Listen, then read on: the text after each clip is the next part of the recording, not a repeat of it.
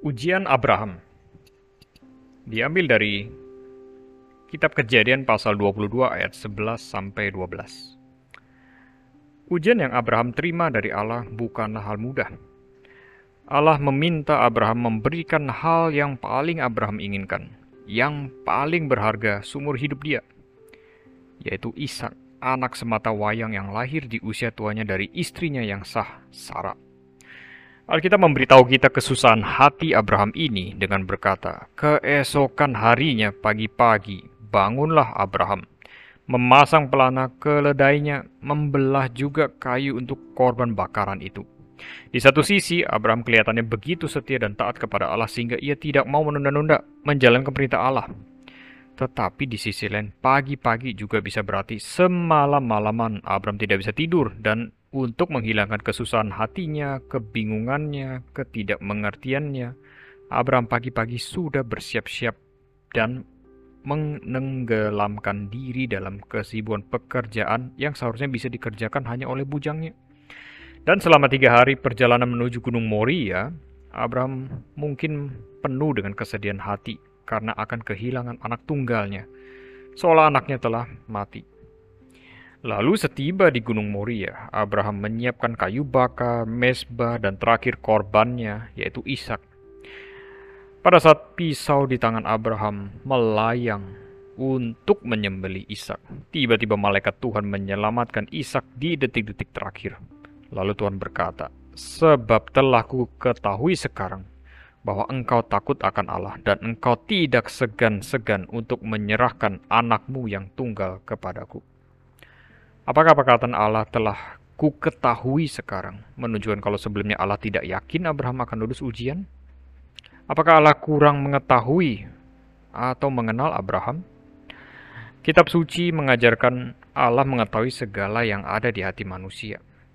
Dan Allah juga mengetahui dan berkuasa memastikan hal-hal yang akan terjadi di masa yang akan datang sebelum hal itu terjadi. Dan untuk itu Calvin berkata, untuk ini kita tidaklah boleh berkata Allah tidak tahu, tapi Allah sedang berbicara sesuai dengan level kita agar kita dapat mengerti kalau Abraham telah lulus ujian. Poin penting lainnya yang dapat kita pelajari adalah arti takut akan Allah dan dikenal oleh Allah.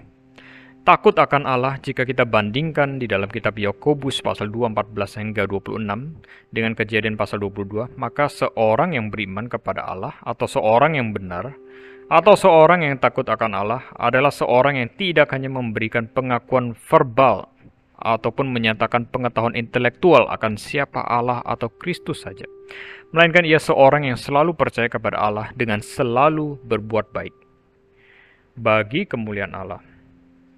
Kenapa?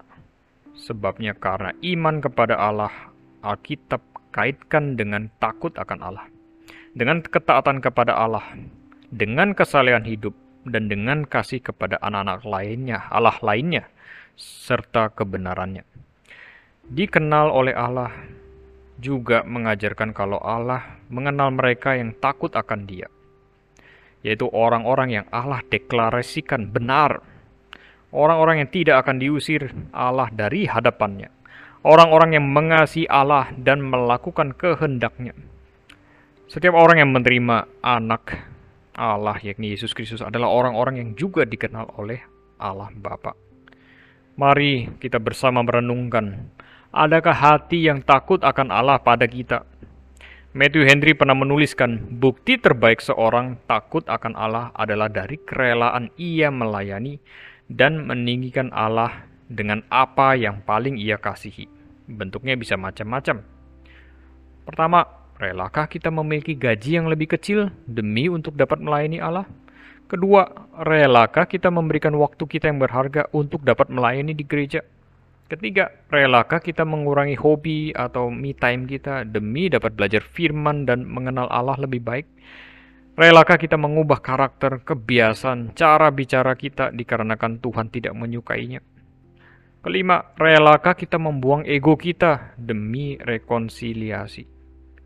Relakah kita memberikan uang kita, baik untuk persembahan, perpuluhan, ataupun janji iman, ketika Allah membutuhkannya?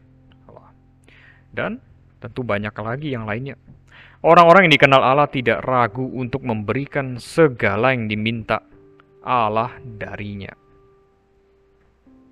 Demikian sharing pada kerenungan kali ini.